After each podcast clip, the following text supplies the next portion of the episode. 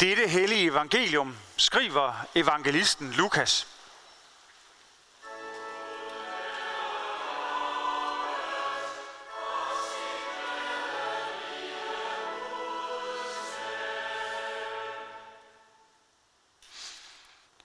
Til nogle, som stolede på, at de selv var retfærdige og som foragtede alle andre, fortalte Jesus denne lignelse.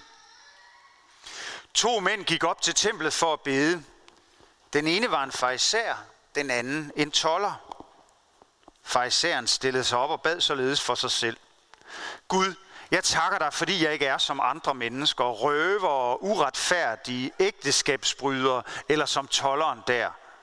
Jeg faster to gange om ugen. Jeg giver tiende af hele min indtægt. Men tolleren stod afsides og ville ikke engang løfte sit blik mod himlen, men slog sig for brystet og sagde, Gud, vær mig sønder nådig. Jeg siger jer, det var ham, der gik hjem som retfærdig, ikke den anden. For enhver, der ophøjer sig selv, skal ydmyges, og den, der ydmyger sig selv, skal ophøjes. Amen.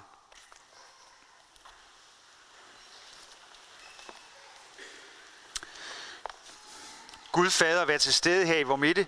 Jesus Kristus sender os din nåde. Gud Helligånd, oplys ordet for os. Amen. Den her tekst fra Lukas, jeg ved ikke, hvordan I har det med det, men jeg synes, den er simpelthen så... Ja, den er både meget skarp, og den er også meget enkel, og den er også lidt skæg. Det er en god historie, simpelthen. Og så er den umiskendelig Lukas-agtig. Det er jo sådan, at det nye testamente, der har vi fire fortællinger om Jesus, fire evangelier, Matthæus, Markus, Lukas og Johannes, der hver for sig fortæller historien på deres måde. Johannes, han er den, der i særklasse fortæller det på sin mest egen og specielle måde, hvor de tre andre, Matthæus, Markus og Lukas, har en del til fælles.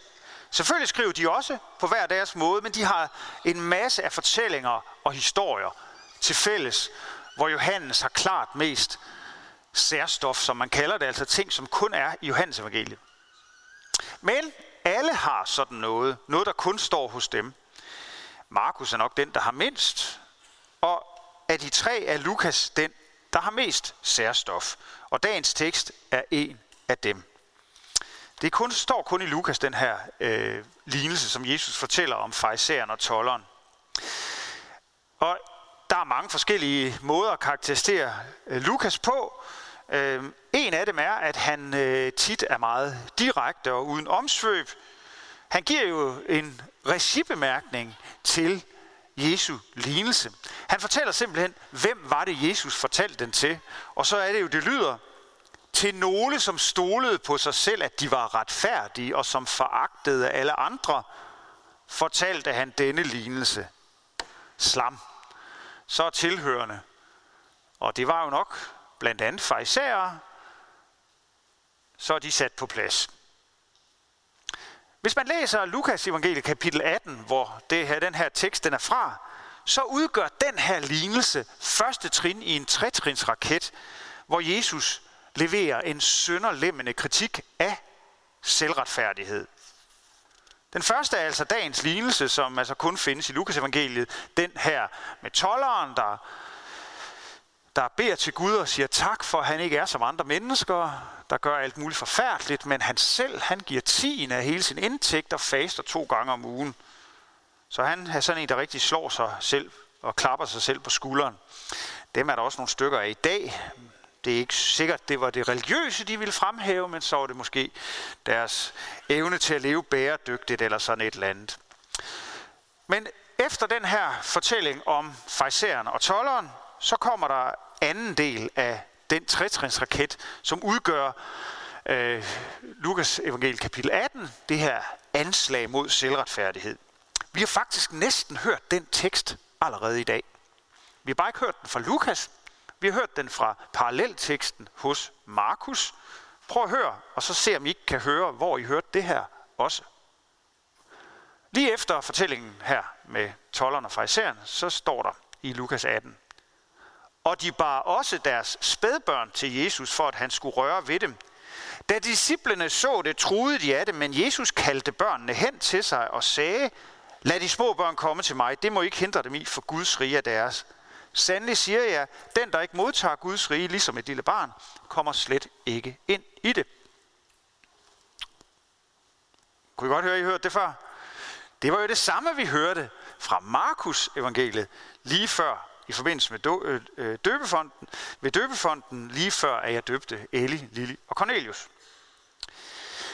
I den første, i lignelsen om tollerne og farisæeren, der bliver munden lukket på de selvretfærdige farisæer. Dem, som var meget, meget kritiske over for Jesus.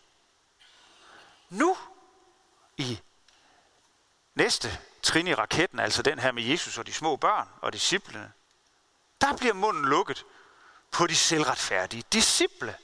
Dem, som havde gjort alt for at følge Jesus. Men som samtidig tror, at de har magt, myndighed og grund til at bestemme, hvem der er indenfor og udenfor, og true kvinder med spædbørn væk fra Jesus. Det har de ikke. Og den tredje del af 60 i det, man kan kalde Jesu anslag mod selvretfærdigheden, det kommer så lige efter øh, fortællingen om Jesus og de små børn, hvor vi møder en rig rådsherre.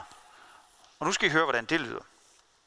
Et medlem af jødernes råd spurgte Jesus, Gode mester, hvad skal jeg gøre for at arve evigt liv?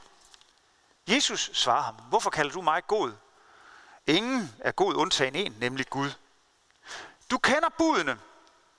Du må ikke bryde et ægteskab. Du må ikke begå drab. Du må ikke stjæle, du må ikke vidne falsk. Ær din far og din mor. Den unge rådsmand sagde, det har jeg holdt alt sammen fra min ungdom. Da Jesus hørte det, sagde han til ham, en ting mangler du endnu. Sælg alt, hvad du har, og del det ud til de fattige, så vil du have en skat i himlene. Og kom så og følg mig. Da manden hørte det, blev han fortvivlet, for han var meget rig. Da Jesus så, at manden blev fortvivlet, sagde han, hvor er det vanskeligt for dem, der ejer meget, at komme ind i Guds rige. Det er lettere for en kamel at komme igennem et nåleøje, end for en rig at komme ind i Guds rige. De, der hørte det, sagde, hvem kan så blive frelst? Jesus svarede, det som er umuligt for mennesker, er muligt for Gud. Den måde Lukas han har sat de her tekster sammen på i hans fortælling om Jesus, det er sådan, at Jesus bang, bang, bang sætter selvretfærdigheden på plads. Først over for farisæerne, så over for disciplene selv, og så over for en tænksom ung øh, mand, som er rådsherre, som virkelig om sig selv mener, at han har gjort alt, hvad han kunne, og som til synligheden ikke foragter andre, men bare gør alt, hvad han kan. Men alle bliver sat på plads her. Der er åbenbart virkelig noget, vi skal fatte.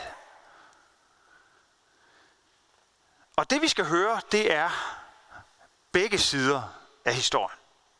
Vi skal både høre det, der bliver sagt om farisæeren, men vi skal også huske at høre, hvad der bliver sagt om tolleren. Vi skal høre, at Gud vil ydmyge den, der ophøjer sig selv. Og vi skal høre, at Gud vil ophøje den, der ydmyger sig. Vi skal høre, at Jesus bliver vred på disciplene. Men vi skal også høre, at han kalder børnene hen til sig. Vi skal også høre, at en kamel går lettere gennem et nåleøje, end en rig kommer i himlen. Men vi skal også høre, og vi skal også høre, at det, som er umuligt for mennesker, er muligt for Gud. Har vi hørt det? Tør vi lægge vores selvretfærdighed til side? At vi skal bygge på det, vi selv kan? Det andre synes om os, osv. osv. Tør vi erkende vores fejl, vores behov for tilgivelse og hjælp, og sige som tolleren, Gud vær mig, arme, sønder nådig. Eller som Paulus sige, jeg er, hvad jeg er, i kraft af Guds nåde. Eller se os selv som børnene, de små børn, som bliver båret hen til Jesus, eller som de små børn, der bliver båret hen til dåben i dag. For er der noget, børnene de ved, også de helt små børn, så er det, jeg kan ikke klare mig selv. Jeg har brug for hjælp. Se, det er dagens udfordring til os. Jesus fortæller sin lignelse til nogle, som stolede på sig selv, at de var retfærdige, og som foragtede alle andre. Sådan som Lukas altså formulerer det. Men, hvad nu hvis vi slet ikke har det sådan? Okay, indrømmet, vi er nok nogen, som kan have en vis kedelig tendens til selvretfærdighed. Særligt hvis vi bliver kritiseret for noget, så skal man da i hvert fald lige fortælle, hvad man ellers også har gjort. Det der med at se ned på andre, jo, ja, at der er altså også nogen, der bare er for meget. Men, når det er sagt, så er det jo ikke sikkert, at vi har det sådan, at vi går rundt og stoler på, at vi selv er retfærdige. Langt fra. Der er masser af mennesker, der slet ikke ser på sig selv på den måde. Der er også mange, forhåbentlig, der ikke foragter alle andre. Og så må man spørge, er dagens opsang fra Jesus så skudt forbi? Hvis ikke vi er selvretfærdige, men i stedet for er kede af det, måske fortvivlet over os selv, tvivlende, søgende eller sørgende, eller hvad vi nu er. Hvad så? Sådan som i virkeligheden tolleren jo var det. Eller sådan som det lyder i teksten fra Job, den første tekst læst op. Gud ophøjer de ydmyge, og de sørgende bringes i sikkerhed. Han redder den ødelagte. Han redder den fattige fra den stærkes hånd, så der bliver håb for den svage. Altså i samme tekst, hvor det hedder, munden lukkes på uretfærdigheden. Han krydser de snedige planer, så det, de sætter i værk, ikke lykkes. Der er aldrig kun opsang og udfordring i evangeliet. Det er der. Men der er aldrig kun opsang og udfordring i evangeliet. Der er altid også trøst og håb. Og vi har brug for begge ting. Og vi får begge ting, når vi kommer til Guds tjeneste.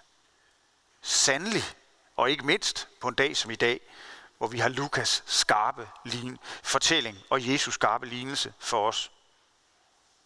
Vores selvretfærdighed, den får et, et slag for borgen.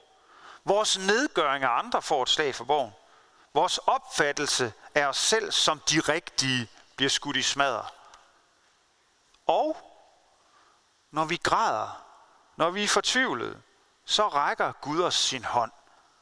Når vi er små og svage, er vi i hans stærke hænder. Ja, vi er i hans kærlighed. Og er vi ødelagte, ja, der bliver vi hele i ham. Som i virkeligheden vil os én ting. Ophøje os. Vi kan ikke ophøje os selv. Og vi skal ikke bygge på os selv og vores luftkasteller om alt det fantastiske, vi selv kan. Men vi skal ture tro på, at når vi er bitte små, når vi er ydmyge og svage, så er vi uendeligt store og værdifulde i Guds stærke hænder. Amen. Lov og tak og evig ære være dig, hvor Gud, Fader, Søn og Helligånd, du som var, er og bliver en sand træen i Gud, højlovet for første begyndelse, nu og i al evighed. Amen. Hellige Gud og himmelske Far, vi lover og tilbeder dig, som i godhed skænker os livet og alle dets gaver. Vi takker dig for den jord, som du har skabt os øh, til at leve på. Lad os at tage vare på jorden og ikke ødelægge den, men beskytte den og bruge den til gavn for os alle. Vi takker dig for vores medmennesker, som du har givet os at dele livet med. Lad os at se på hinanden som brødre og søstre. Vi takker dig for din elskede søn, som blev vor bror, som levede, døde og opstod for os. For Helligånden, som har taget bolig i os. For genfødelsen i dåben, for evangeliets lys og for dit nærvær og din velsignelse i nadveren. Vi beder dig i dag for Elli, Lili og Cornelius, Vær du med dem og bevar dem hos dig fra nu af og til evig tid, og være med deres familier. Vi beder for din kirke ud over hele jorden og her hos os i Herningssorg. Tag ikke nådens og sandhedens ord fra os. Bevar os i troen og den indbyrdes kærlighed. Lad håbet om, at du kommer igen leve i blandt os. Giv os trofaste ledere og forkynder dit ord. Forbarm dig over alle, der far vild. Vi beder for dem, der lider for dit navns skyld. Ikke mindst for kristne, der bliver forfulgt i Mellemøsten eller andre steder. Vi beder om, at dit evangelium må komme ud til alle folkeslag. Vi beder for vores hjem og vores kære, for vores daglige liv med hinanden i arbejde og fritid.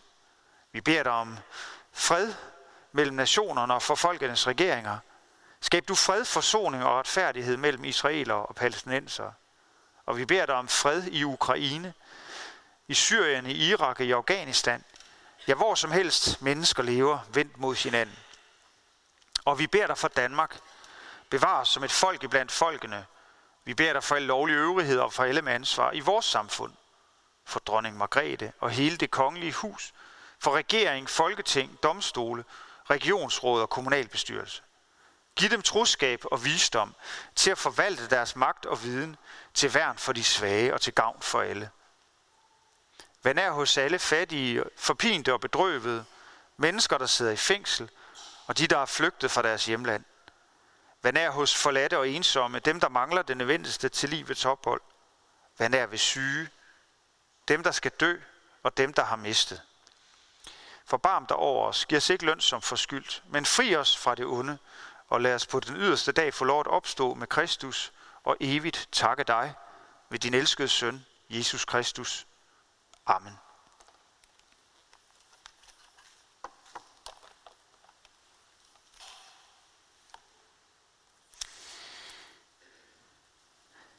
Gudstjenester i næste uge. Der er gudstjeneste på fredag, hvor der er rytmisk gudstjeneste kl. 20. Og på næste søndag, den 8. september, har vi tidlig gudstjeneste inde i sakristiet kl. 8.30 og højmesse her kl. 10. Og der er også skriftemål på søndag, og de tjenester er ved Bo Knudsen, min kollega.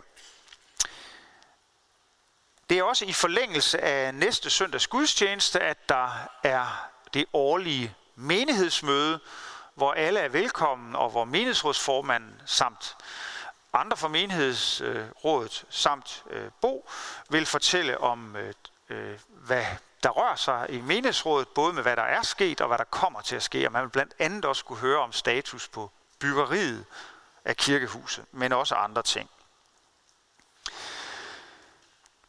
På søndag er jo også den sidste gudstjeneste, hvor Morten Bunk spiller som organist, og derfor bliver der også taget afsked med ham der på søndag.